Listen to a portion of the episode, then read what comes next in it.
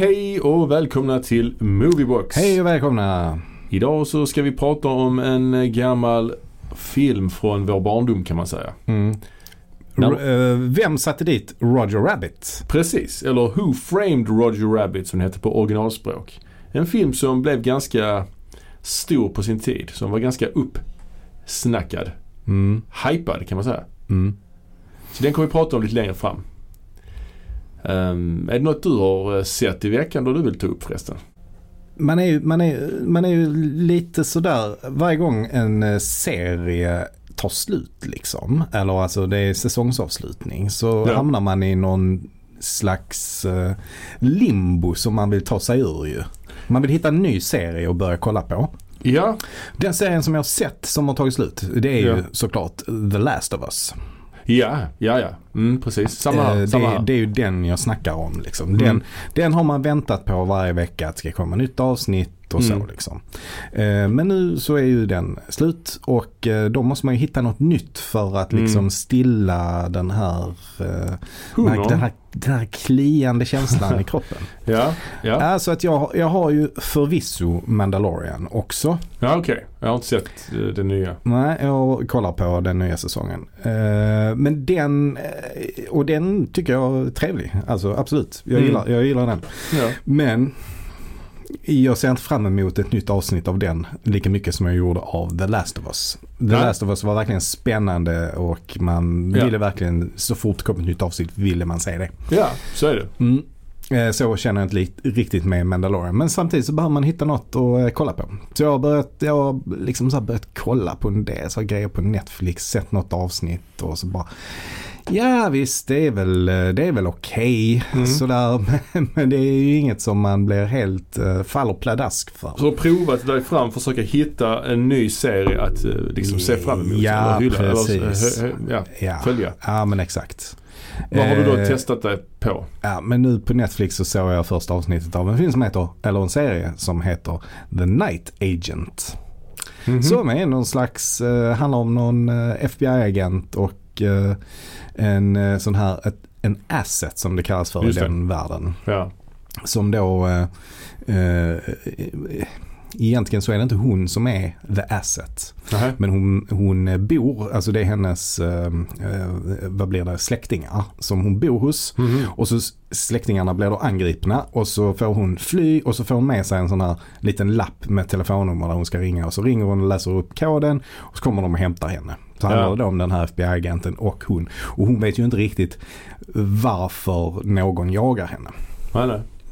Eh, Så det är väl eh, ungefär det som eh, man får reda på i första avsnittet. Mhm. Och ja, jag tror inte jag kommer att fortsätta kolla på den. Men kanske, om Nej. det inte dyker upp något annat så. Ja, nu kommer ju snart Succession i och för sig. Mm, den kommer ju nu. Så att, eh, Där är det ju eh, var en i veckan väl? ja precis. Så där har du väl, Ja. kommer det kanske ditt behov att stillas med den då? Absolut, Ja. absolut. Det kommer det göra. Ja.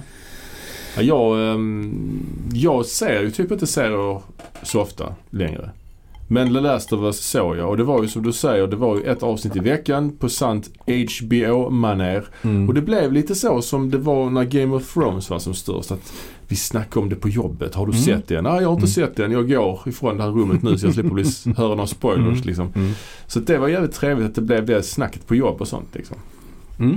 Eh, Men i övrigt så, så ser jag inga serier. Jag har jättemånga jag skulle vilja ta mig an. Som Succession till exempel har jag ju sett säsong 1 och börjat på säsong 2 och sen har jag blivit avbruten och Mhm. tappat, tappat Mhm. den. Och jag funderar på bara, funderar på bara börja se den Mm. från där jag slutade och försöka get up to speed. För jag orkar inte så den från början. Det orkar jag faktiskt inte göra. Nej. Jag kommer ändå ihåg säsong 1 ganska bra. Liksom. Mm. Så att det, den är ju bra liksom. Mm. Det, den, den skulle jag vilja säga. Och det vet, det vet man också att den här nya säsongen är den sista. Mm. Det är ju väldigt skönt alltså. Då vet, då vet man att det kommer hända grejer. Att det kommer avslutas på ett bra, alltså på ett sätt. På något sätt. Bra eller Mm. dåligt men ett, ett slut i alla fall. Så att det bara kommer att harva vidare liksom. Sen har jag lekt med tanken att kanske ta mig an och se eh, Sop- Sopranos från början faktiskt. För den Mm. såg jag aldrig klart när det begav sig. Nej, det har inte jag heller gjort. Det finns en hel del gamla serier som, Ja, eh, som jag inte har sett färdigt. ja. Walking Dead till exempel. Samma här ja. Den slutade jag efter När de kom till den här snubben som hade en tiger som var datanimerad. Där Jag har hoppade inte vi. kommit så långt ens. Ah, Okej, där tackar vi för oss. Ja, jag, jag och min hustru. Jaha, Men, eh, ja, ja. men eh, ja, jag funder, den här Lost in Space på Netflix, den såg jag säsong ett. Men sen dröjde, ah, just det. sen dröjde Mm. det så jävla tid innan säsong två kom. Mm. Och sen har det nu kommit en trea också som ska vara den sista. Så där borde jag kanske egentligen Mm. se vidare. Och den var väldigt eh, påkostad alltså. Mm. Jag såg uh, första avsnittet, Mm. kommer jag ihåg. Det var också en sån, äh, det blev bara ett första avsnitt, sen så fortsatte jag inte kolla på det. Nej, okej, ja. ja. Jag har nästan glömt alltihopa. Jag skulle nästan Ja. kunna se om den från början faktiskt. Var det inte hon Parker Posey Jo, som... hon spelar eh, antagonisten. Dr. Smith. Ja. Ja. Eh, så det var ganska kul. Mm. En annan sån som jag har börjat kolla på för jättelänge sedan är Ja. ju The Americans. Ja, det är också någon som finns på min lista som jag har Mm. hört mycket gott om. Mm. Men ja, Ja men den var, den var cool. Men av någon anledning så... och den är ju slut också ju. Ja, Mm. den är slut ja. Det är alltid skönt på något sätt med serier som man vet att det finns ett slut på. Ja, det, det är gött. Har du, eh, har du sett färdigt eh, den här, eh, jag fan, kommer aldrig ihåg vad den heter, men de här som har sådana hetter på sig. Gilead någonting. Ja, nej, Handmaid's Tale. Ja. Nej, jag ja. hoppade av den. ja. Det blev för farligt. fan vad dåligt det blev i, i, i sist, senaste säsongen. Ja, Alltså. jag vet inte om jag såg den senaste ens. Jag hoppade nog av på förra. Kanske innan dess. Ja. Men det blev ju för... Jag ska inte säga att det blev lätt för henne. Mm. Men det kändes som att hon ändå mötte mindre och mindre motstånd. Att hon Mm. bara gjorde grejer och så gick allting relativt bra Men det känns då. också som att de bara mjölkade det Ja, i de senaste säsongerna. Ja. Och att, att allting bara gick runt i cirklar. för första var ju svinbra. Ja det var den. Och andra Ja. också Ja. jag för mig. Ja. Sen, ja. Sen blev det bara sånt mjölkande. Ja, verkligen, verkligen. Mm. Men jag kommer ihåg Dexter då. Ja men där, där såg jag inte heller. Jag har kvar de två sista säsongerna Nej, det tror jag. behöver du inte. Och så det- kom det ju en ny säsong för några år sedan. Ja, det var väldigt nyligen. Ja, och något år sedan bara. Ja, jag vet inte var den finns att se men eh, Nej. ja, vi, vi, vi såg inte det. Det Nej. blev väl ingenting. Det blev väl ingen stor grej, eller? Nej Känns jag tror, jag tror inte det. Jag har inte Nej. sett någonting från den. Jag tror det handlar mycket om att han, eh, han, var, han, han blev ju en ganska stor stjärna med Dexter ju. Ja, Han som spelar huvudrollen. Michael C. Hall. Michael C. Hall var det, ja, just det. Ehm, och även hon som spelar hans syster i serien. Jag tror hon heter Jennifer Carpenter. Ja, och jag tror de blev ihop Ja. också. Ja, Vilket ju känns lite konstigt. ja. Fast det var inte värre om de hade varit syskon på riktigt Ja, och blivit ihop. Det hade varit värre. Ja. Men de har ändå spelat syskon. Ja, det är Ja. sant. Men, men eh, hur som helst, båda de två kändes det ändå som att de var ganska heta när den serien var i, Mm. aktiv. Liksom. Mm, mm. Eh, men sen efter serien så har ju ingen av dem egentligen lyckats eh, med något särskilt. Nej, jag vet inte vad Man har har gjort. inte sett dem i någonting. Nej, Typ. verkligen inte. Verkligen inte. Eh, så de försvann ju helt. Nej, verkligen. Men den, den, var, den serien tappade. Man kan säga efter Mm. fyra säsonger sen var det verkligen Mm. De fyra första var bra. Mm. Var någon säsong med John Lithgow som... Den var som, bra ju. Ja, Mm. den var fet faktiskt. Det var nog den sista säsongen jag såg tror jag. Mm. Sen Sen började jag kolla på den säsongen med eh, Tom Hanks son. Ja, och uh, Edward och, James eh, Olmos. Edward, ja, precis. Ja. Jag började kolla på den men jag såg aldrig färdigt den. Nej, det var, Av det, någon var, anledning. det var en twist i den har jag för mig som var lite så... Ja. Nej, jag vet, jag, Svår. som sagt så vet jag inte. Nej, det var, eh, det var inte bra. Sen i sista Nej. säsongen var Charlotte Rampling med, kommer jag ihåg. Charles? Charlotte Rampling. Charlotte Rampling. Den Ah, okej. började ganska bra den säsongen. Sen blev det Mm. jätte, jättedåligt jag för mig. Riktigt, Mm. riktigt käs. Mm. Men Nej, men det var en serie som var bra i början. Ja. Sen, eh, ja. Nej, jag ska, jag ska ta, mig an, ta mig an Succession i alla fall. Ja. Och någon annan gammal serie ska Mm. jag nog försöka ta mig igenom. Mm. Ska vi gå vidare till vår eh, stående programpunkt Bergmankollen? Ja, Jag tycker om när det regnar. När det regnar på sommaren. Mina spöken och demoner. Jag blir lite klaustrofobisk. Ja, och för nytillkomna lyssnare kan vi bara berätta som hastigast att Bergmankollen, det, vad ska man säga, den ur, har sitt ursprung i vårt eh, nyårslöfte. Där Ja. vi lovade att vi skulle ta oss igenom Criterions Ingmar Bergman-box som innehåller ungefär det mesta han har gjort. ja. Och vi kommer då att... eh, Man kan säga att det är cirka 40 filmer. Ja, Eller ja, 35. knappt. Ja, något, Något sånt. där Nå- någonstans. någonstans. Ja.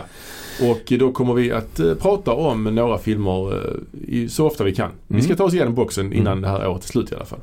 Och idag har ju Ture då kommit till en av hans mest hyllade filmer. Mm. Nämligen Smultronstället från 1957. Eh, den är ju eh, superhyllad och eh, var väl till och med Oscars nominerad för bästa manus tror jag. Aha. Så att, Kul. ja det var kul. det, var, det var kul det. Hur var det? Hade han vunnit någon Oscar vid det här tillfället när den Nej. kom? Eller Nej, det var detta hans första Oscarsnominering? Eller? Oh, det vågar jag inte svara på Nej. men det skulle, skulle det kunna vara. Men jag vet Om- faktiskt. Omöjligt att veta. Ja, man kan ta reda på det men jag har ingen aning. Eh, men eh, den är ju eh, intressant på det sättet att den i huvudrollen så ser vi ju Viktor Sjöström Mm. som då är också en legendarisk regissör. Mm. Som då var Ingmar Bergmans idol kanske. Mm. Och det är ju ett härligt, härligt grepp det där att ta en regissör som skådespelare. Mm. Vi såg det ju senast i den här Vortex där Dario Argento Mm. spelar en av Mm. huvudrollerna. Precis.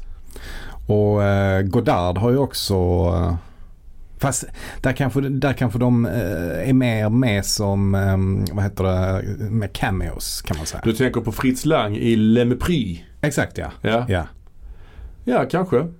Men jag tänker också på att Steven Spielberg hade med François Truffaut i Mm. Close Encounters. Mm. Det är också nice ju. Mm. Men det är också en mindre roll. Ja men det är ändå en roll liksom som ändå Mm. återkommer i flera scener och så. Men inte jämfört med den här. För här är ju Nej, det är liksom, huvudrollen. Det är ju en här är helt annan sak. Han Ja, är ju med i, skulle tro så gott som alla scener. Ja, så gott så. Alltså inte alla, inte exakt alla men eh, Nej, förutom några flashbacks, några drömsekvenser. Eller Ja, det är ju säga. några scener mellan, ja det kanske är flashbacks, Nå- några scener mellan eh, Gunnar Björnstrand och eh, Ingrid Thulin ju. Ja, just det. Ja, det är ju inte flashbacks. Men annars är han ju med Mm. i, i allt det. Precis. Och den här filmen är ju en road movie. Ja, Kan man ju precis. säga. precis. Det handlar ju om en gammal gube som heter Isak Borg. Isak Borg. Samma initialer som Ingmar Bergman Mm. ju. Mycket eh, spännande. Mm. Och eh, han ska då utses till jubeldoktor i Lund. Mm. Han är ju för detta eh, professor kanske? Eller något Ja, läkare är han ju. ja, läkare ja. Mm. Och han ska bli jubeldoktor. Mm. Och då bestämmer han sig för att ta sin bil och köra ner till Lund. Mm. Det är kul att de ska åka till Lund också. Ja, det är också roligt. Det är lite rolig Ja. detalj. Men det ju, har ju också mycket att göra med att uh, Bergman jobbade ju i Skåne under Mm. den här perioden. Först Ja. var han ju på Helsingborgs stadsteater och sen efter det var han på Malmö stadsteater. Så Ja. det är därför mycket av eh, de filmer han gjorde på 50-talet är ju inspelade i Skåne. Precis. Och eh, han har ju eh, och nämner också Malmö i den här filmen att de ska flyga. Någon, ska flyga till Malmö och så vidare.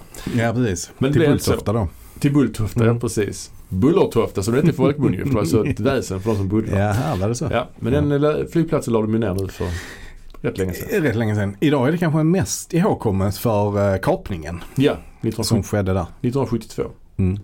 En Och det av- sägs att det är den enda liksom, lyckade kapningen i uh, världshistorien. Ja, ingen Alltså dog. flygplans, flygplanskapningen. Ja, kaparna kom undan med pengarna och Mm. ingen dog. Mm. Det var lyckat. Det var en alltså lyckad från kapning. kaparnas perspektiv. Ett riktigt kap kan man säga. Ja. Ja, nej men precis. Men de, de flyger inte utan han, han tar bilen ner och med sig på resan har han då sin sons fru som ska hem då också till sin Mm. man då, hans Mm. son. Det vill säga. Och hon spelas av Ingrid Thulin. Mm. Och det var väl hennes eh, genombrott detta, tror jag. Ja det kan det mycket väl ha varit ju. Och på resan då så eh, får, stannar de till lite här och var och Isak då får lite flashbacks från sitt tidigare liv och så ju. Ja, De stannar vid precis. hans barndomshem. Ja, och redan innan det så har han ju någon slags dröm också. Som är väldigt cool tycker jag. Sug- suggestiv. Ja där i början. Ja, han någon har någon slags, slags mardröm. ju. ja som är gjord lite så här stumfilmsestetik. Ja, Man ja. drömmer om massa klockor utan visare och sånt ju. Ja, Och han så- ser sig själv Och så och kommer sånt. det ju en uh, hästdroska Ja. med, som har en, eh, en eh, vad heter det, begravningskista Ja. lastad. Är det en hälsning till körkaren? Ja, ja det är ju absolut det. Som Viktor Sjöström Mm, regisserade back in the day. Ja, precis. Det är det, är det ju absolut. Den droskan som Mm. kommer där. Jag undrar, detta vet jag inte, men när jag såg filmen nu, såg om den då. Mm. Den droskan skulle mycket väl kunna vara den droskan som står inne på museet här i Malmö. Mm. Där står en sån likdroska nere i källaren. Jag Mhm. vet inte när du var på museet senast men Nej, det var, det var jävligt länge sedan. jag har ju varit där kanske sedan jag fick barn. Mm. 200 gånger. Oj, Ja. 200 gånger. Nej jag vet inte men väldigt, väldigt många gånger. Mm. Och där finns en sån. Det skulle kunna vara den de lånat. Ja, Det ska jag kolla upp till nästa Bergman-kväll. ja, absolut. Ja. Eh, men den är cool den drömsekvensen, absolut. Den är cool, den är jävligt snyggt fotad alltså. Det är Oh ja. extrema kontraster ju. Mm. Det är verkligen så vitt. Alltså utfrätt, allt det, det vita eh, i, i bilden är ju helt kritvitt ju. Mm. Men man ser ändå hans, eh, alltså kontur, konturerna på honom är ju ändå knivskarpa. Så det är Ja. ett väldigt snyggt foto faktiskt av eh, Gunnar Fischer var ju, Det det ja. Mm. var ju fotografen på Bergmans filmer vid den här tiden. Ja det var det. Ja. Sen tror jag de blev lite ovänner eller sådär. Kan det vara så ja. Ja, och så Ja. var det ju Sven Nykvist sen som tog över. Mm, precis, precis. Och, ja den här filmen är ju intressant på många sätt ju. Dels det här att, att det handlar om en äldre man som ser tillbaka på sitt liv liksom.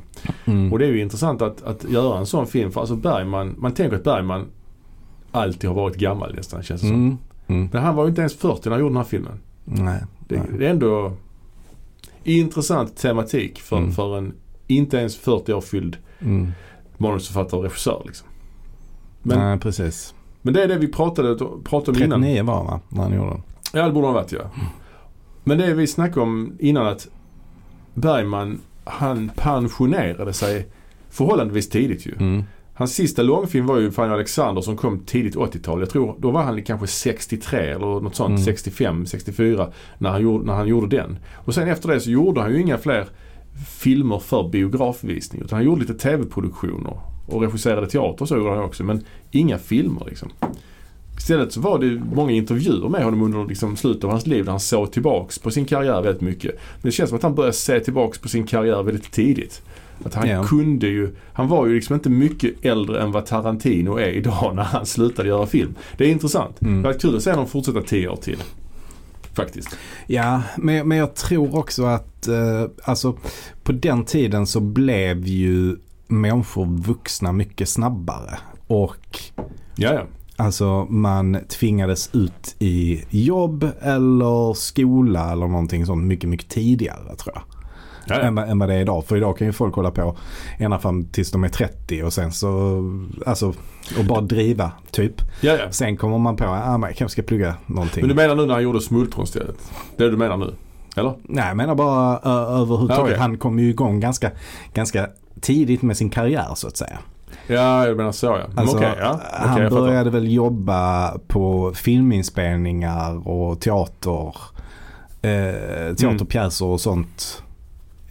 När han var kanske över 20 eller någonting. Ja, kanske det. Kanske det. Alltså han, Absolut. han pluggade ju till exempel aldrig filmvetenskap eller Nej, nej. Alltså man kunde kanske inte utbilda sig till filmregissör utan han eh, började väl med att skriva manus. När, när, när kom Hets? ja, men det kom kanske 44. Något sånt. 44, ja så då var han 25 kanske. Ja, så då är han inte så purung ändå. Men, Nej, nej. Nej, faktiskt inte. Men ja, jag bara tycker det är intressant att han slutade så pass tidigt inom citationstecken. Men det är klart han har hållit på länge också å andra sidan. Gjort jättemycket filmer. Han har ju varit väldigt produktiv ju. Så det ja. ja, han Under- kom väl med en lång film om året typ. typ. Alltså under den här tiden han bodde i Skåne så gjorde han ju en film varje sommar. Och sen Mm, så på hösten mm. och våren så gjorde han teaterpjäser. Så det var ju Mm. en oerhört produktiv period i hans liv ju. Ja och idag går ju det knappt ju. Alltså, Nej, nej. Man, man, eh, alltså att, att någon gör två uppsättningar på ett år och dessutom gör en långfilm på sommaren. Nej, det är Det är ju, finns ju inte. Nej, det finns ju att inte. någon skulle göra det. Men den här filmen som sagt är ju väldigt eh, bra. Måste jag säga. Mm. Alltså den är, Mm. den är ju väldigt bra. Den är, Den är väldigt bra. ja. Och den har ju, Sjöström är ju väldigt bra i den och han har ju, det är en sån där mysig voiceover också när han berättar Mm. och ser tillbaka och så Mm. Sen eh, plockar de upp ett eh, gäng ungdomar också på, på vägen ju. Mm. Bland annat Bibi Andersson då ju. Mm. Där kan jag tycka de är, de här som, som ungdomar betraktat så känns de inte så ungdomliga.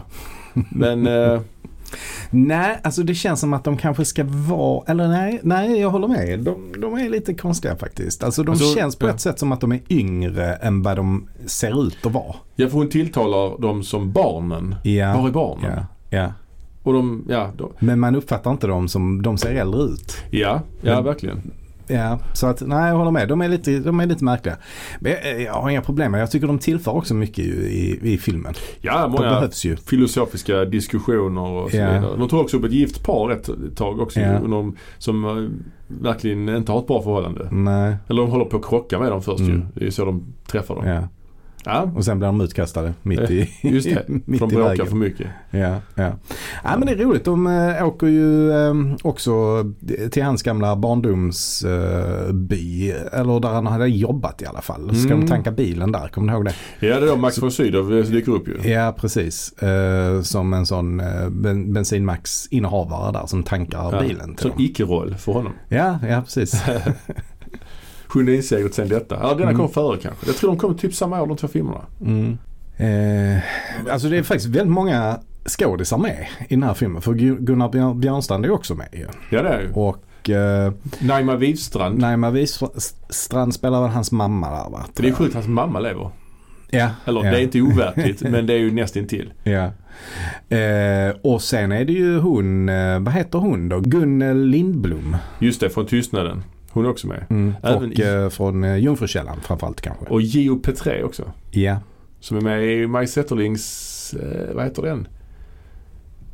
Älskande par kanske? Ja, kanske. Jag tror det är den. Ja, ja. ja är men så kan det många. vara. Siv Mm. Rud är också med. Siv Rud också med.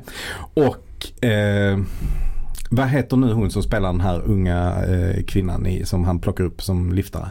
Med- Bibi Andersson. Bibi Andersson, ja, Ja, precis. Hon spelar ju dessutom två roller. Ja just det, hon är med i en flashback också ju. Eller Ja. en drömsekvens rättare Ja. sagt. Spelar hans uh, ungdomskärlek. ja, precis. Ja. Flera, flera eh, flashbacks är hon ju med. Ja, ja, Där ja hon precis. spelar liksom den Mm. här andra personen då. Ja, det är precis. lite ballt. Ja men det är det. schysst, eh, schysst klippning, bra övergångar mellan verklighet och dröm och så vidare. Det är, Mm. det är coolt. Mm.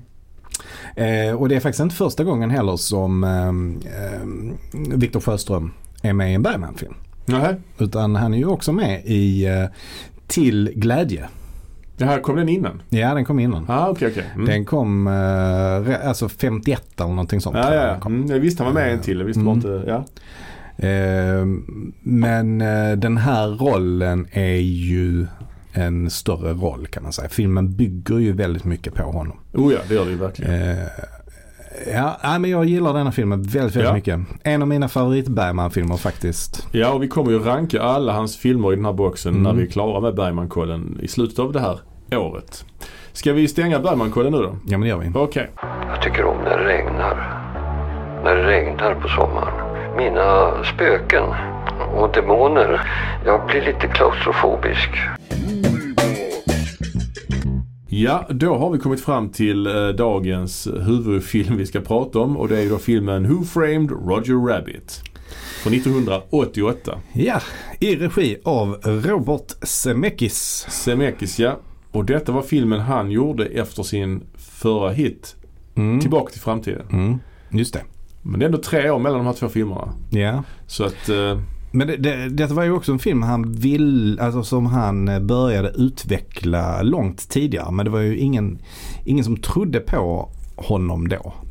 nej. Eh, han eh, började ju, eh, den första filmen han regisserade var ju den eh, Used Cars. Ja, jag har sett Eller det var kanske inte den, han, men det var den som han hyfsat slog igenom med kan man säga. Ja. Eh, med Kurt Russell. Det är rätt så kul film faktiskt Ja. eh, tycker jag. Mm. Men sen så eh, gjorde han ju Romancing the Stone med Michael Douglas. Den har du sett kanske? Den vilda jakten på stenen ja. Mm. Den har jag sett ja. Härlig film Ja, det skulle jag säga. får man säga. Ja.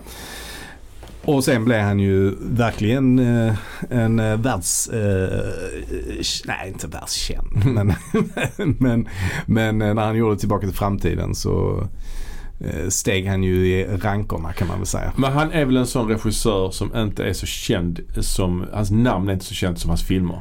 Nej. För den breda massan Nej, vill jag säga precis. då. Eller överhuvudtaget. Alltså, men han har gjort väldigt många kända filmer.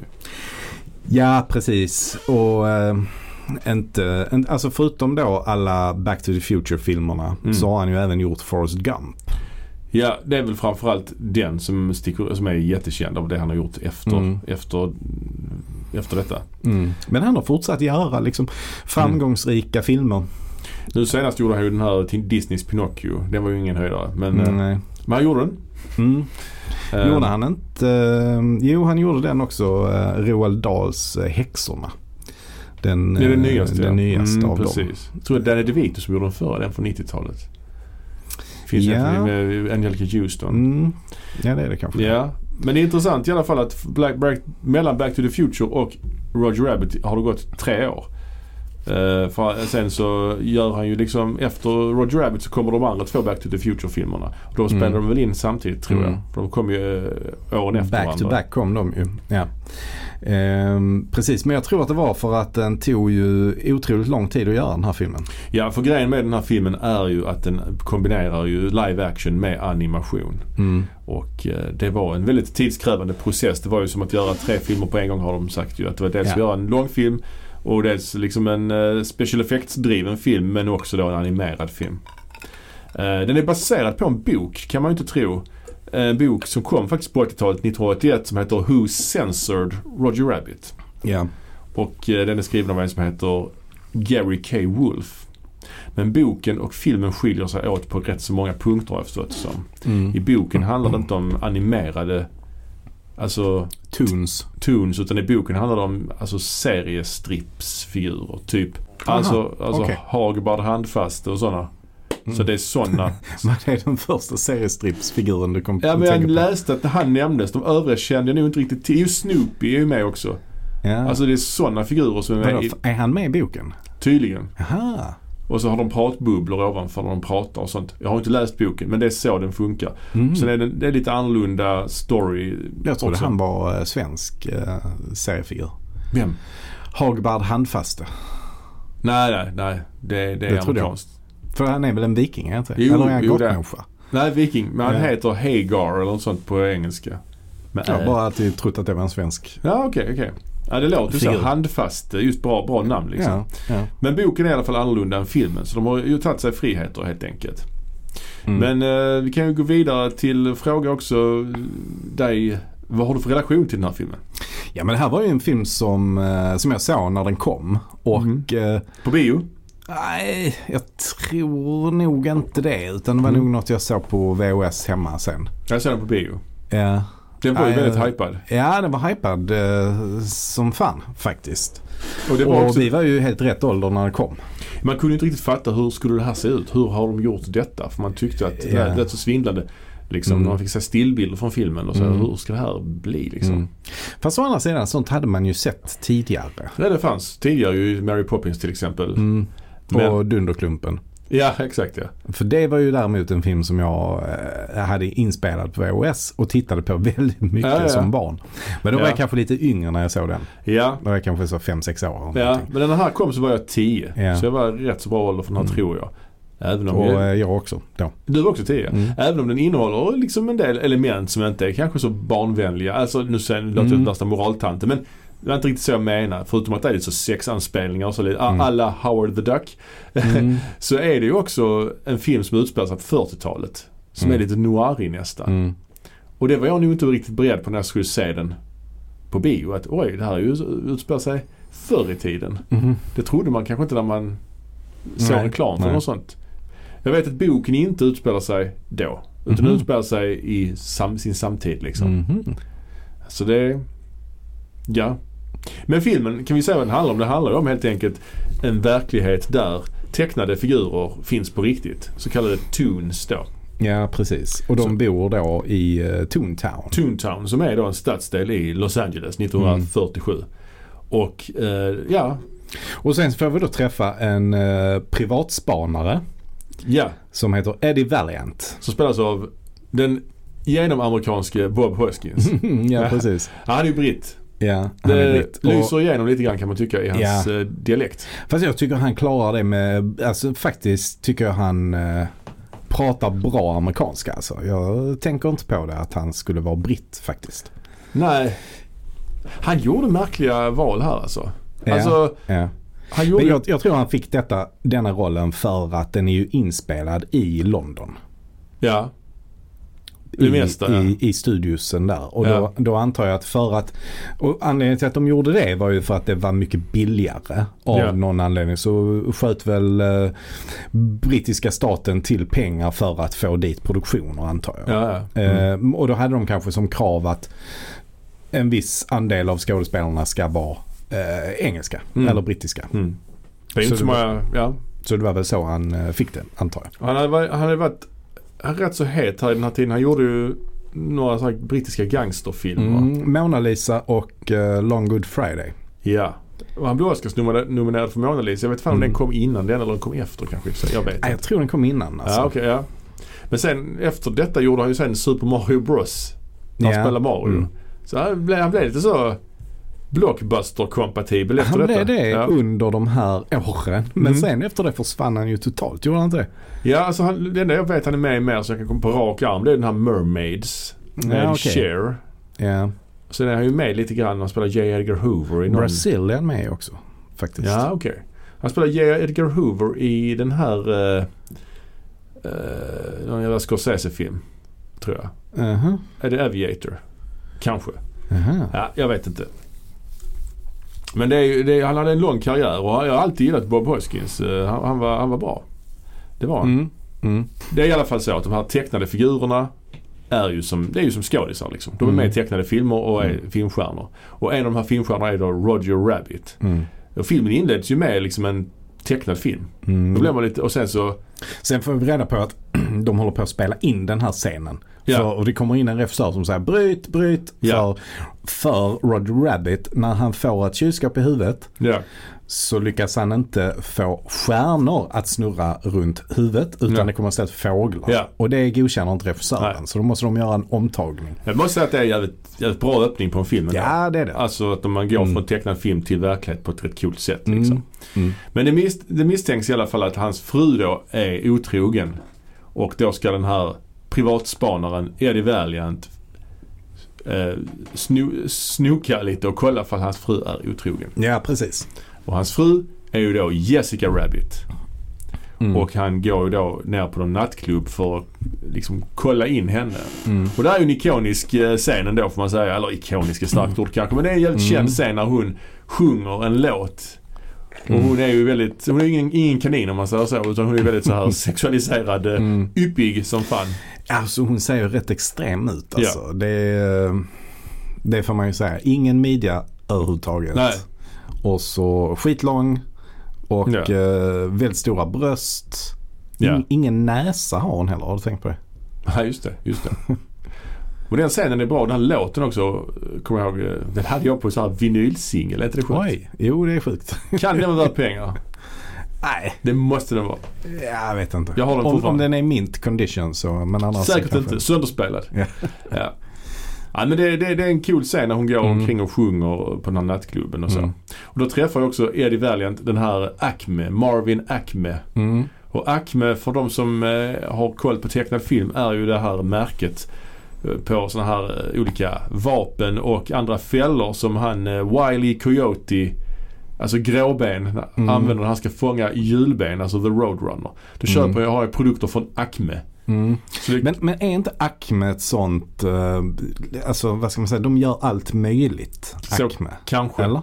kanske, kanske det är så men det är kul att de har gjort att det är en gubbe som heter det liksom. Ja.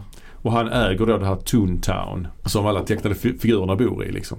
Mm. Men det blir liksom, det lite så, lite åt det hårdkokta deckarhållet här ju. Noir Ja men eh, än så länge i början är det det liksom. Det är ingen voiceover dock. Nej. Men annars är det väldigt noirigt. Vi har ju en Ja. tydlig femme fatale. Oh ja. Och vi, vi har ju en tydlig eh, antihjälte kan man Mm. säga. Eh, som då eh, är Eddie Valiant som har en del mörka sidor kan man säga. Han är ju lite alkoholiserad. Och eh, deprimerad också för att han drev ju en, eh, en detektivfirma tillsammans med sin bror. Men brorsan blev ju mördad av en ton. Precis. Jag kom på det att det är ju voiceover fan. Där är voiceover. Där är voiceover. Ja, där är Ja, en okej. rätt så bra voiceover också som känns lite noirig faktiskt. Ja okej, ja. Ja. men då så. Ja.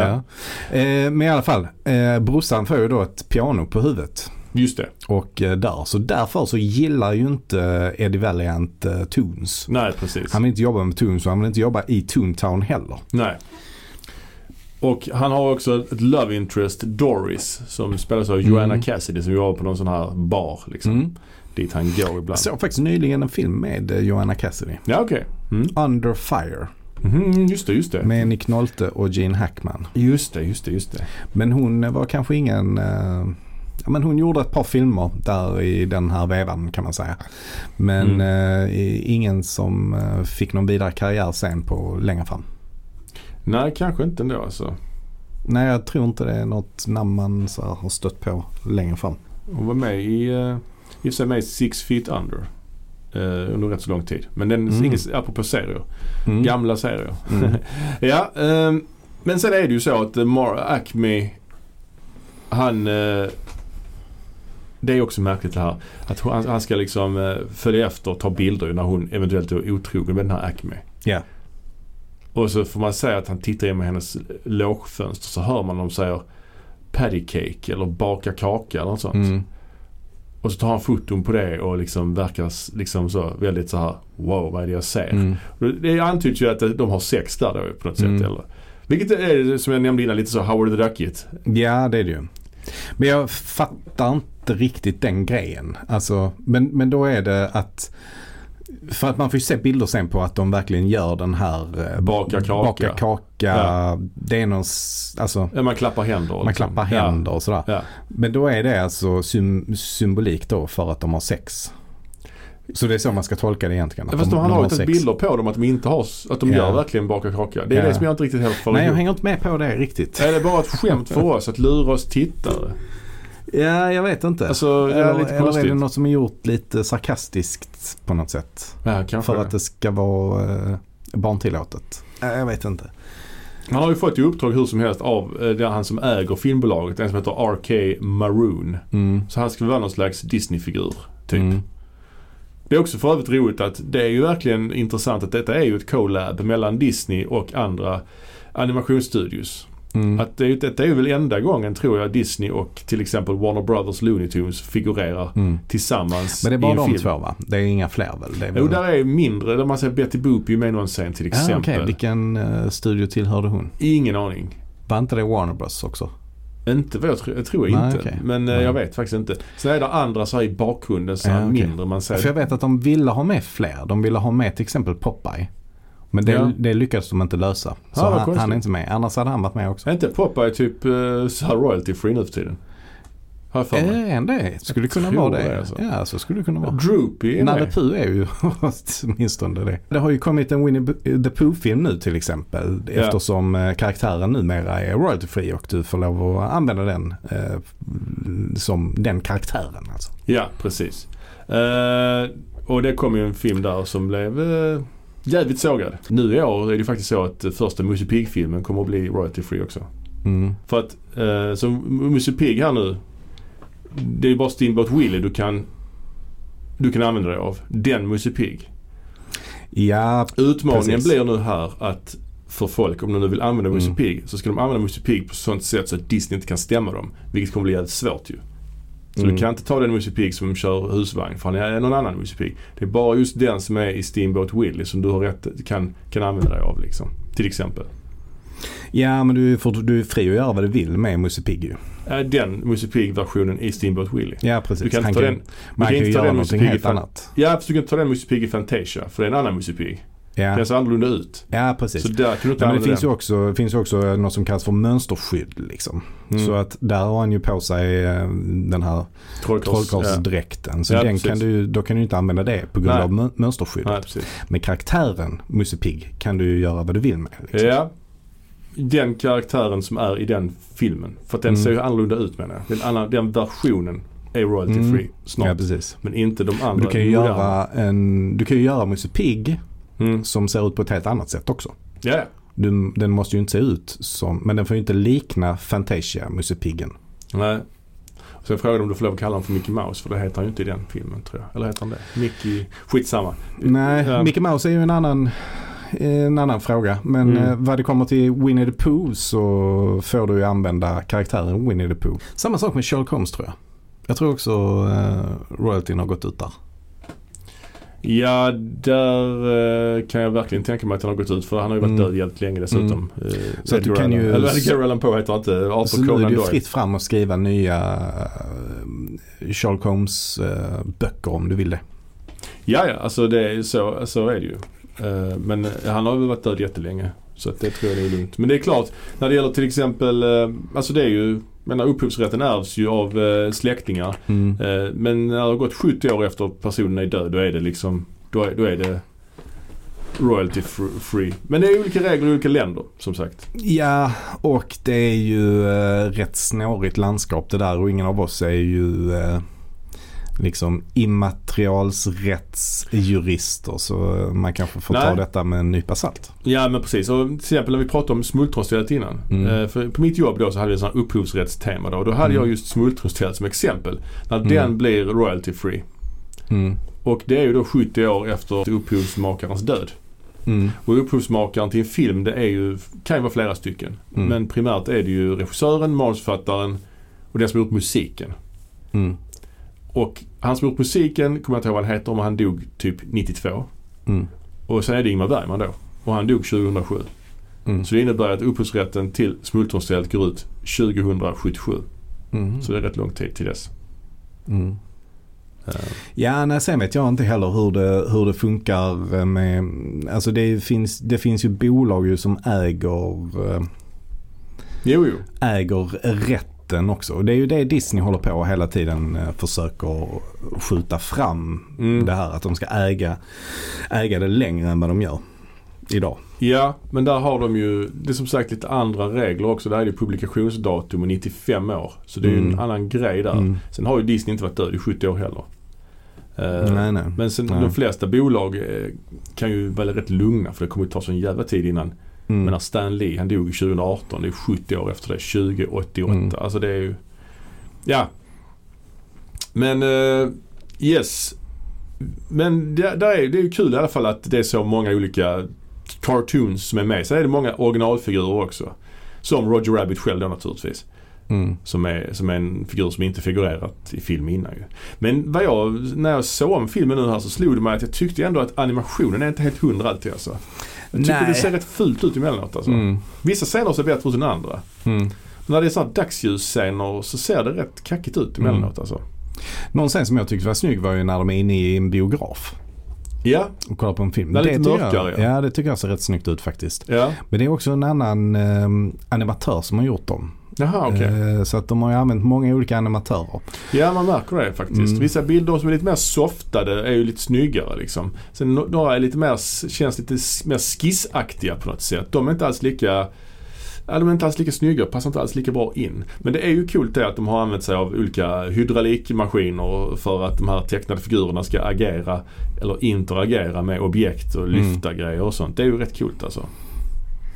Men Eh, det är ju så att den här eh, Acme hittas ju också död sen. Han har ju fått ett kassaskåp eh, släppt i huvudet. Så att det blir ju en mordhistoria av detta helt enkelt. Ja. Vem är det som i huvudet sa du? Är det, Det är han Acme? Acme, ja, precis. ja. Och då Ja, för visst- jag har faktiskt lite problem att hänga med i handlingen här emellanåt i, i den här filmen. Ja, jo. Man tappar lite intresset. Eller jag vet inte Alltså jag vet hur det är nu när du ser om den. Men för mig är det så i alla fall. Att jag, jag har lite svårt att hålla intresset uppe när jag eh, kollar på filmen. ja men det är väl lite grann det att den är väl Alltså är man ung, barn när man ser den så är det nog mer in, intressant ju såklart. Det där att, att tecknade, Mm. figur, tecknade figurer som lever är ju rätt svindlande liksom. Men när man ser det nu som vuxen så reflekterar man kanske lite grann över att det inte är så rolig humor alltid. Nej, alltså den här precis. Roger Rabbit-figuren, han är ju rätt tråkig alltså. Mm. Tyvärr. Och rätt jobbig. Ja, och det är väl lite grann pro- stora problem med filmen, kanske. Ja. Eller ett av problemen med filmen. Eh, men sen är det, finns det ju andra scener med teck, tecknade figurer som är jättebra. Det är ju en, som sagt, en rolig scen med, alltså apropå collabs, med Mm. Duffy och Donald Duck när de spelar Mm. piano. Mm. De, alltså det är kul att se de två interagera. Det var, Mm. det, det var ändå lite kul Mm. tyckte jag i alla fall. Men Ja. här, här, Nej, men Inte för min del så. Det är inget som jag lyfter på ögonbrynen allt för mycket för. Men eh, Men under den här, på den här mordplatsen där de hittar han, han har blivit fått ett kassaskåp i huvudet Mm. ju eller något i den stilen. Så de har gjort en sån här kritstreck runt hans kropp och så kassaskåpet där. Blev Roger Rabbit misstänkt för att ha mördat just det. honom som hämnd. Ja, just det. Ehm, och där introduceras också filmens antagonist och det är ju Judge Doom. Mm. Som spelas av Christopher Lloyd. Mm. Känd från Back to the Future just ju. Just det. Och han är ju superund. Ja. Svartklädd och Han ser rätt rolig ut ja, faktiskt. ut som professor Moriarty möter Ja. någon, jag vet inte. Ja. Och han har till sin hjälp har några sådana här tecknade vesslor också som är hans liksom goons. En sån McGuffin i filmen som nämns är ju också den här Acme som äger Toontown. Att han lär ha skrivit ett testamente Mm. som, som eh, i det så lär det stå att han efter sin död ska ge hela Toontown till de tecknade figurerna. Mhm. Eh, så det är liksom Ä, hans... vadå, äger han Toontown då? Ja precis. Aha, okej. Så, ja. Äh, så, så mycket hängde jag inte med. För det är en, en sekvens på den här nattklubben när han, Eddie Valiant träffar honom att han visar att han har sånt här Invisible ink. Han skjuter på hans skjorta så bara försvinner det liksom. Så det är lite Ja. sån plantering för vad som komma skall. Liksom. Ja. ja, han har massa sådana gags. Ja. Han har också någonting när de skakar hand så får ju Eddie Valiant någon eh, stöt. Ja, Elchock. ja men precis. Men vad som händer i filmen är ju att Roger eh, tar kontakt med Eddie. För de har ju träffats tidigare hos den här filmbolagschefen Maroon. Och vill ha hjälp av honom. Och han måste ju hela tiden hålla honom, Roger gömd för han vill inte associeras med honom för då, eftersom han är misstänkt för mord. Liksom. Mm.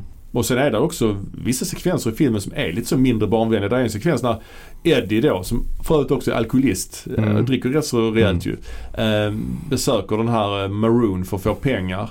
Mm. Eh, och ja, där är en scen där han besöker honom i alla fall. Där han, Maroon, blir då skjuten Mm. av någon utifrån. Det är någon som sticker in en pistol genom fönstret Mm. och skjuter honom liksom i ryggen. Det är ändå lite så. Det är ju inte så child-friendly direkt. Nej. Men det är ändå gött. Jag tycker, jag tycker det, liksom, det blir lite mörkt, lite noirigt. Jag kan uppskatta det. Nästan så att jag vet att filmen var ännu mörkare. Men då hade man Mm. kanske inte fått ha med Disneys figurer. Det hade liksom blivit något annat då så att säga. Mm. Ja, nej men överhuvudtaget är det väl rätt märkligt att Disney gick med på att göra det här. Ja men jag tror Disney var inte på topp här liksom. Nej, det var så var det ju. De låg lite på fallrepen. Ja. Fallrepet säger man Mm, kanske. Fallrepet. Mm. Ett rep bara. Detta var ju innan den så kallade Disney-renässansen som började efter den här. Man, man läste till mig att den här filmen var någon slags katalysator för Disney-renässansen som skulle Jaha. komma något år senare. Jaha. När Disney återigen började göra liksom långfilmer, animerade långfilmer som blev hits. Okej. Och eh, stora hits och Mm. klassiker igen liksom. Jag tänker den lilla sjöjungfrun Ja. känns som en av de tidiga. Ja det var den första. Ja, Det, var den första. Den Ja. pratade vi om förra veckan också. Ja. det, eller förra gången. Och det, det, det var den första. Den kom 89 tror jag. Mm. Men sen följde de det med en string of hits. Bland annat då Aladdin, Mm. Skönheten och odjuret, Lejonkungen. Lejonkungen och sen Mulan och Hercules, Ringarna Notre Dame Ja. bland annat. Och Tarzan. Det är ändå intressant att för Disney hade ju, gjorde ju jättemånga hits mellan liksom 1930 och 1960, 70, 1970 kanske Mm. om inte ännu senare, gjorde jättemånga sådana här långfilmer baserade på klassiska berättelser eller sagor Ja. och så. Men sen så bara havererade de där i slutet av 70-talet. Vad var det som hände där då? Jag fattar inte det heller. Det kanske var att folk slutade eller folk dog av. De var ju inte Mm. så, rätt så gamla de här. The Nine Old Men eller vad de kallas för de här som jobbade där. De här, anima- Ja, de här huvudtru- kärntruppen. Sen gjorde de lite så här Micke och Molle och sånt och Oliver och gänget och Basil Mus och Mm. Taran och den magiska kitteln, minns du den? Nej. The Black Cauldron, den kommer jag ihåg, den såg jag på bio. Den var ju läskig. Men, men Basil Mus eh, kommer jag ihåg. Ja, det var ju någon slags Sherlock Holmes. Ja, den var Variant. ju ganska bra för men den såg jag på bio tror jag. Ja, jag minns, jag såg också den på bio men jag minns Ja. inte. Men det blev ju inga klassiker. Oliver och gänget skulle vara någon slags Oliver Twist fast med katter. Ja, nej det är möjligt. Men jag tycker det är Mm. intressant att de... Men när kom Djungelboken? Den kom väl rätt sent? Ja, den kom 67. 67? Ja. Okej, men gjorde de inte någon stor film på 70-talet? Ja, Robin Hood möjligtvis. Ah, Jag- Robin, tror Hood, kan det vara jag 70 tänkte ja. på. Men den kom Bernard 78 och typ. Bianca kom också på 70-talet tror jag. Ja. Men jag tycker det är intressant att de inte har filmatiserat, många av de här de, de filmatiserade på 90-talet. Mm. Liksom varför gjorde de inte Skönheten och odjuret tidigare? Det är, Mm. det är intressant. Vad många, så många kända sagor Mm. som de inte har gjort. Men jag tror faktiskt också att de är inne i en eh, rätt tuff period nu. Alltså Ja. om man, om man ser bara på Disney och Pixar kan jag räkna in i det också lite Mm. grann. Eh, Ja, det- Pixar är definitivt inne i det också. ja, Men men, om jag separerar då deras filmer i något annat egentligen. Men skitsamma. Ja, ja, absolut. Alltså Disney idag är något, ett helt annat företag ju såklart. gud, alltså, men om man tar bort eh, Marvel och Fox och eh, Star Wars från ekvationen och tittar mer bara på Disneys produktioner plus Ja. Pixar eftersom det också är animerat. Så var det ju ganska länge sedan de hade någon hit ju. Jag beror på om man räknar med länge sen också i och för sig. Mm. Alltså jag menar Vaiana var väl rätt stor? Eller? Ja, det var den kanske. Det kanske den var, men på senare år så har de ju inte, inte släppt så bra grejer. Alltså. Nej, nej. Alltså, nej de har inte förbi. Encanto släppte de ju och nu släppte de nyss En annorlunda värld. Och så Mm. Buzz Lightyear var från Pixar. Ja, den har jag glömt bort till och med. Ja. Den såg jag faktiskt. Eh, Buzz Lightyear alltså. Ja, och Pixar gjorde ju även den här, vet inte vad den heter, någonting med röd. Ja, Turning Red. Turning Den, Red. såg jag inte, den har jag sett lite på bara. Den var ju i och för sig Oscars-nominerad men eh, den känns ju inte så himla rolig. Det känns som allt de gör blir Oscarsnominerat i och för sig. Ja. Ja, men Pixar har ju verkligen tappat eh, gnistan tycker jag. Mm. De har gjort, Mm. alltså den, den här eh, Luca var inte så bra. Nej, Soul var inte så bra heller tycker jag. nej. Och den här Den var ju i Onward. sig hyllad av många. Men, Ja men jag tyckte bara det var en sämre version av Inside Out. Inside Mm. Out tyckte jag var svinbra däremot. Men, mm, men Disney de gjorde ju i och för sig Frozen men det är ju ändå snart 10 år, det är väl 10 år sedan den kom. Eh, Mm. Men den blev en megahit. men sen kom ju Frozen 2 som också blev en megahit. Ja men det var en tvåa. Mm. Och det är, jag tycker det är ett svaghetstecken att göra en tvåa. Mm, Alltså förr gjorde Disney inte tvåor. nej. Inte så ofta i alla fall. Väldigt sällan. De tvåor som kom var sådana direkt till DVD som mycket sämre liksom. Det de gör nu i och för sig är ju live action-filmer av deras klassiker. Ja. Och de blir ju stora hittar. Eh, Mm. Oftast i alla fall. Men det är ju också bara Ja det är den tidevarvet vi är i nu. Att man Mm, måste ha sett det man ska se måste man ha sett innan. mm, Fast man vill ändå inte se samma sak man har sett innan. Så då tar man och gör en remake helt Mm. enkelt. Som är exakt likadan. mm. Jag har ju sett Lejonkungen. eh, Såg jag på bio faktiskt, den nya. Jag såg Mm. aldrig den förra på bio för jag är ju, vi är ju lite för gamla för det egentligen. Mm, Alltså vi var ju för gamla när de kom liksom. Men jag såg det med barnen ju. mm, Eh, sen har ju kommit Pinocchio återigen som då Zemeckis gjorde. mm. Mm. Den var ju med Tom Hanks Nej, också ju. den såg jag inte. Ja den finns på Disney+. Plus. Den var inte ingen höjdare alltså. Nej. Jag såg ju uh, Guillermo del Toros Pinocchio. Ja den är väl bättre antar jag. Mm, den var bra faktiskt. Också, den vann ju Oscar nu. Mm. Eh, sen gjorde de väl Lady Lufsen finns ju också som någon sån Just remake. det. Och Djungelboken. Ja. Och Aladdin då ju. Mm. Så de har gjort rätt så många av dem nu. Men eh, det är intressant i alla fall här att Roger Rabbit då blir introt till den här Disney-renässansen. Att folk fick upp ögonen igen för de här gamla tecknade figurerna. Även om Kalle Anka och sånt är ju, liksom, har ju alltid haft en rätt så framträdande roll här i Sverige i och med julaftons f- filmerna där ju. Men Mm. eh, nu blev det Disney fick, fick lite liksom fart tack vare Roger Rabbit-filmen säger man. Men Roger Rabbit-filmen i sig, den är ju ändå hyfsat om man ska säga, kan man säga att den är hyfsat bortglömd? Eller? Den tas inte upp som Ja. en klassiker. Den nämns inte så ofta som en klassiker Nej, eller så. den, ja det tycker jag. Det kan jag hålla med om. Ja. Den är nog rätt bortglömd. Det blev ju ändå en stor hit. Den eh, hade en budget på 50 miljoner vilket var jävligt mycket. Men den Mm. spelade in 350 ungefär. Mm. Så det är ju, det är ju en, en hit. Det blev den näst mest inkomstbringande filmen det året efter filmen Rain Man. Rain Man. Det är ändå sjukt att Rain Man drog in så mycket. Ja men det är, Är det det. inte? Ja men den blev, det var ju som kritikers succé. Ja men en sån film skulle aldrig dra in så mycket pengar idag. Nej nej nej. Nej det är ju Det verkligen- går ju inte. Jag satt ju och studerade de här topp 10-listorna f- från år för år fram, från 88 fram till idag Mm. och det är ju en oerhörd skillnad. Dels naturligtvis hur mycket pengar filmerna spelar in. Mm. Det är ju mycket mer nu än vad det var då ju såklart. Men just också hur det går mer och mer åt franchise Mm. eh, och eh, uppföljare. Här, Men om, om vi jämför med, med i år, vil, vilken skulle kunna vara motsvarande Rain Man? Skulle det kunna vara The Whale kanske? ja, Inte riktigt. Det är inte liksom Dustin Hoffman och eh, Tom Cruise är ju på en annan nivå än vad Brennan Fraser är. ja Alltså, verkligen. Är, I, ja, i, I stjärnstatus. ja exakt ja. Eh, Nej det är svårt att säga. Banshees och Vinnie Sharon. Nej. Nej. Nej.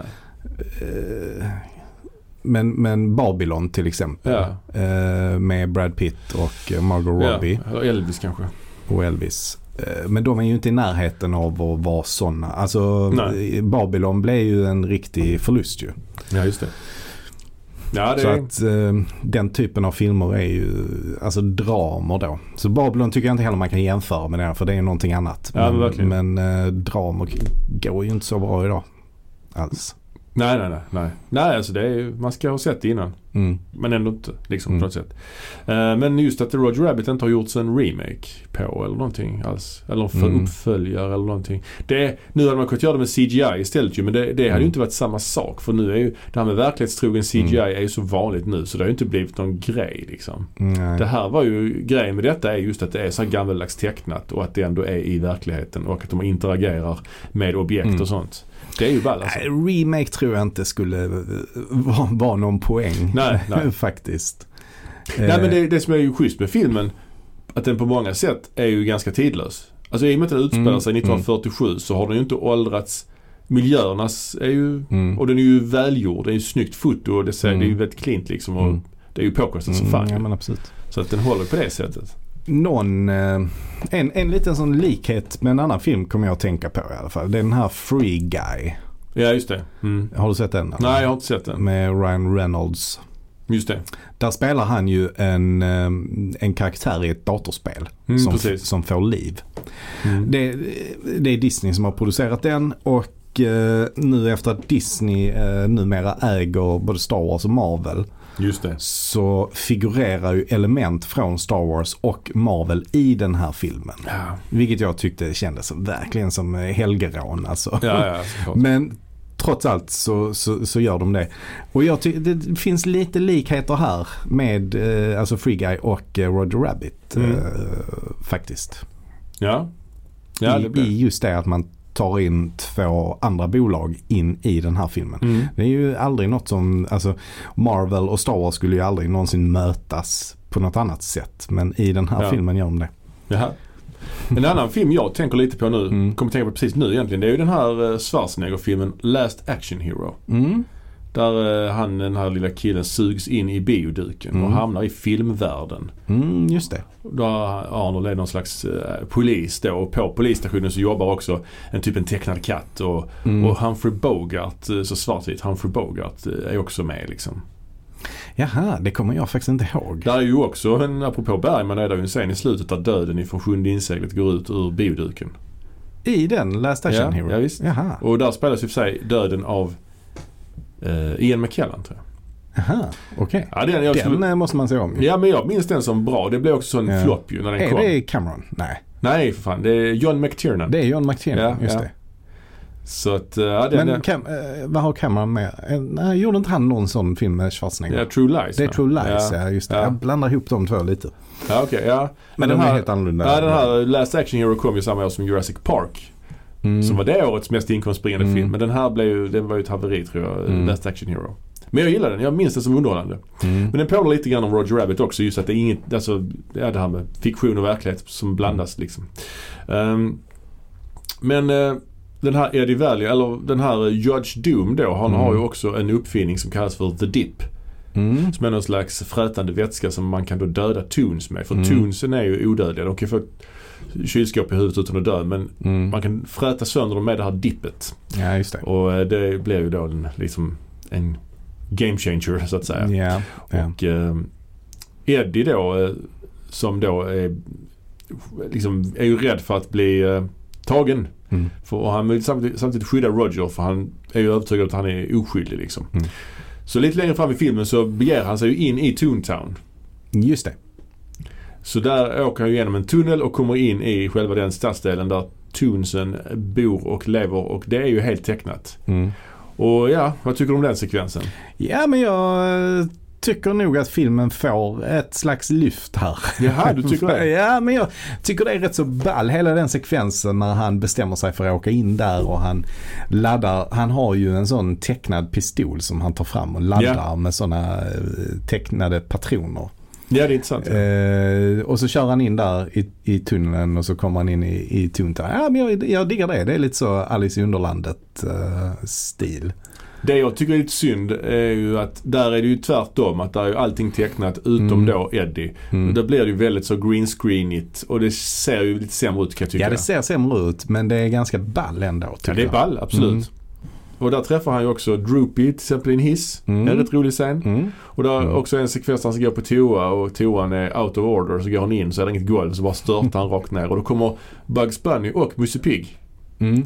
Mm. och uh, snackar Och med ger honom. honom en uh, fallskärm. Ja, ett spare. Ja precis. Men det är Fast det är, bara- det är ingen skärm där. Det är ett däck Ett istället. däck, ja, ett reservdäck liksom. Ja, det är bra, kul. bra att ha. Mm. Ja men eh, vad ska vi säga mer? Det, det, filmen slutar ju något eh, klimax där ju att eh, han eh, Judge Doom har ju fångat Roger och Jessica och Eddie ska då rädda dem. Mm. Och då eh, de här vesslorna som är hans goons, han lyckas ju få dem att skratta ihjäl sig. De har ju Mm. haft något sånt snack hela tiden att ni kommer att skratta ihjäl er. De har planterat det några gånger. Och då gör han ju någon sån här skojig dans liksom. För Eddie Valiant har ju tidigare i filmen varit väldigt restriktiv. Han hatar ju Toons och han eh, liksom är inte, han är ingen eh, han är inte en million laughs helt enkelt. Nej, Men här nej. går han ju loss och då, då skrattar de ihjäl sig. Och sen eh, lyckas han ju också köra över Judge Doom med en sån här eh, Ångvält. ångvält. Ja. Eller han kör inte över honom men den, den råkar gå igång liksom. ja. Men det är, det är först då man får reda på att han också är en tun. Ja, inte bara det att han är en ton. Det var ju också han som dö- mördade hans bror ju. Just det. Så Ja. det blev en liten twist där i Mm, slutet mm. ju. Det är också lite ball när han blir överkörd av den ångvälten Ja. och sen så reser han sig upp och så är han helt eh, tillplattad. Ja, precis. Eh, lite, ja men det kan jag ändå uppskatta lite grann. Och hans plan är att dränka hela Toontown i dipp ju. Just det är det. den här maskinen Mm. liksom. Men de lyckas ju stoppa honom och allting slutar ju lyckligt helt Mm, enkelt. Precis. Ja. Ja men det jag tycker det här är en film som ändå vad anledningen till att vi snackar om den här filmen är ju att det är en sån här film från 80-talet som är en del av vår barndom. Mm. Eh, och samtidigt som den är ändå lite av som sagt en, en bortglömd eh, eh, film på det sättet. Trots att den är så pass påkostad Mm. så är det ju ingen film som snackas om så mycket egentligen. Mm, Nej det gör det väl inte kanske. Nej. Och jag tänker att det kanske finns en god anledning till det. Ja kanske. Du tycker inte om den? Nej, för min del så eh, var jag hade rätt jobbigt att ta mig igenom den här. Jag, Ja, ja. jag tyckte inte, nej den, eh, när jag såg den som barn så kunde jag ändå uppskatta den Ja, och ja. se hela filmen. Men den har ju åldrats dåligt måste man säga. Även, även om du säger att den är tidlös så kan jag hålla med om det att den är tidlös i det att den utspelar sig på 40-talet. Ja. Absolut det funkar men, men alltså humorn det, och handlingen, alltså Mm. nej det finns inget eh, riktigt för mig att eh, gå igång på här helt Nej, enkelt. nej jag, jag håller med. Jag håller med på många sätt att den är inte så jätterolig. Det är ett par scener som är som sagt genu, genuint snygga där de är på bion till exempel. Mm. Där de håller popcornen och riktiga popcorn och så vidare. Plus då som sagt att det är en intressant setting. Där noir-aktiga. Mm. Och, alltså ur tekniskt perspektiv så kan jag ju bli också jättefascinerad hur de har lyckats spela in allting. För att ja, till exempel de här vesslorna då när de eh, introduceras första gången så kommer de ju och håller riktiga vapen. Alltså de har Ja. ju riktiga pistoler. ja men precis. Och det ser man ju att det är riktiga pistoler men Ja, de är tecknade. Ja precis. Och, och sen så kan man ju då titta i bakommaterialet hur de har spelat in detta. Och då har de ju haft det liksom i, jag kommer inte ihåg hur de har gjort just de sakerna men det har ju varit mycket, Mm. eh, vad säger man, manuella effekter så att säga. Alltså Mm, mm. eh, Ja men precis. mekaniska effekter. Ja, det är intressant också att de använder sig av så här gummidockor. De spelade in varje scen med vanliga gummidockor bara för att Mm. han skulle ha sin blick på rätt plats. Mm. Eller skrev att Mm. människorna skulle ha blick, blickarna skulle bli rätt. Mm. Sen spelade de in samma scen igen utan någonting. Mm. Så han fick bara agera mot tomma luften. Mm. Han måste blivit helt sjuk i huvudet av detta Mm. alltså. Och jag kan ju tycka verkligen att Bob Hoskins är skitbra. Alltså, Ja, han ja, alltså- spelar ju verkligen med en sån jäkla Jag inlevelse. vet, man tänker inte Och på man, det till slut. Att, man, nej, och man tror ju verkligen på honom Ja, också. Att han verkligen pratar med Roger Rabbit. Så det är, ganska, det är ganska coolt att man har lyckats så bra med det. Och det är helt och hållet Bob Hoskins förtjänst ju. och han som gör rösten till Roger, Charles Fleischer, Mm. han var ju också med på inspelningen och snackade med Hoskins liksom. Just det. Körde replikerna. Mm. Och var också klädd i en sån här kanindräkt ju. För att, eh. Känner du igen han Charles Fleischer? Nej, nej. Har du sett extra materialet och så? Ja, ja. ja. Ja, jag känner igen honom för han är ju med i den här filmen eh, Zodiac. David Finchers. eh, Ah, okej. Och där är en sekvens där Jake Gyllenhaal ska intervjua en person som eh, Aha. och han går ner, han har en källare i, Mm. sin, i sitt hus ju. Alltså, han, han säger att inte många hus i, i Los Angeles som har källare, ja men mitt, Mm. mitt har. Så blir det så att man tror att han är mördaren liksom. Men det är han som spelar den rollen. Ja, okej. Ja. Ja, ja. Eh, så där Nej, men jag kan ju tycka det att Roger Rabbit är rätt jobbig. Alltså, Ja, man gillar ju inte honom. Uh, det han är jobbig att lyssna på. Helt Ja, jag håller med. Jag håller med. Det, det, det är sant. Och, eh, och det är svårt det där när det är så. Ja. Att en karaktär är lite jobbig. Ja, Ja. Det, det händer ju ibland liksom. Mm. Eh, Men annars som sagt bra. Hoskins bra. Jag tycker eh, Christopher Lloyd är rätt ball också. Absolut. Som Judge Doom. Men eh, och jag, jag gillar det här. Jag älskar så här film om film. Så jag gillar Mm. den här 40-tals eh, Mm. settingen. Jag gillar det med på liksom studios. Det här Maroon Studios som är liksom Mm. typ någon slags Disney då liksom. Och alla, alla, alla detaljer i bakgrunden, alla karaktärer och sånt. Men sen som sagt är tecknandet inte helt hundra. Humorn funkar sådär. Jag Mm. visade den här för mina barn för några år sedan och Mm. då, det funkar ju rätt bra liksom. Det gjorde Mm. det. Det är ju en film som är verkligen bra för, för barn Mm. liksom. Tänker jag. Men vad tycker du om eh, vad ska man säga, kvinnosynen och hur eh. Jessica Rabbit är porträtterad? Liksom? Ja, det, det är ju någonting man får eh, säga innan. eh, Medan man ser filmen med barn så får man hela tiden Ja. poängtera. Det här är gjort på en annan tid och här med andra syn. Jag har också den här Baby Herman. Han den här Ja. babysen Ja. som, är, eh, som är en gubbe liksom utanför filmerna han gör. Som har någon slags nanny som han är lite så obehaglig mot också ju. Mm, mm, Det är ju jättekonstig scen också ju. mm. Eh, men Nej Jessica- men hon, hon ser ju ut som, alltså Jessica Rabbit ser Mm. ut som någon som kommer från en våt tonårsdröm. Och hon, liksom. det, hon har ju blivit ett begrepp lite så. Ja. Jessica Ja. Rabbit. Det har man ju hört flera gånger. Det här Jessica Rabbit-kroppen och sånt. Mm. Det är ju ändå liksom ett, eh, som har levt kvar. Så kanske hon som är den som har levt kvar liksom mest efter Mm. den här filmen. Mm. Hon är kanske filmens legacy på något Mm, sätt. nej, den karaktären. Jo det tror jag nog. Ja. Hmm. Ja. Ja, nej men det, jag, ur det perspektivet så är det nog lite tveksamt om jag skulle visa det för mina barn. In, ingen kritik nu med att du har gjort det. Nej, nej, nej, nej. Liksom, men men eh, ja, nej men det, det känns lite, Ja, det, är- det, är, weird. det är märkligt eh, hur, hur saker och ting förändras liksom. Alltså jag, Mm. när jag såg den när jag var liten tänkte inte jag på det kanske. Nej. Men, men eh, när man sen visar den nu. Likadant som film som The Goonies. mm. Den är ju också väldigt märklig, märklig Mm. ton liksom. Eh, man visar den för barn. Men så är det ju när, när man porträtterar den här, alltså visar de här stereotyperna på det här sättet. Ja, ja. Att man tänker kanske inte på det men när man blir matad med det så eh, Mm. fastnar det ju ändå på något sätt. Mm. Ja men verkligen. Ja. Roger Rabbit alltså. Roger Rabbit. Ingen uppföljare har kommit än så länge. Nej och det behövs ju inte. Nej. Den eh, den funkar bra på egen hand den filmen. Ja, ja.